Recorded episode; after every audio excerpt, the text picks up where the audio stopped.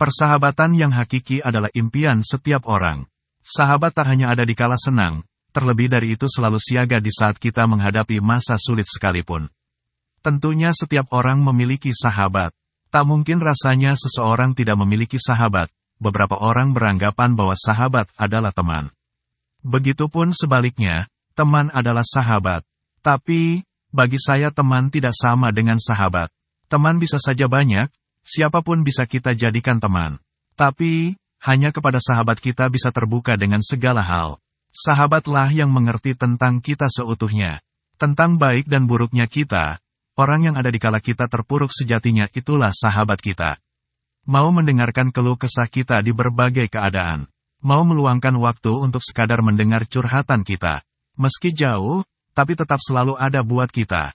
So, bagi yang sudah punya sahabat sejati, jagalah persahabatan tersebut.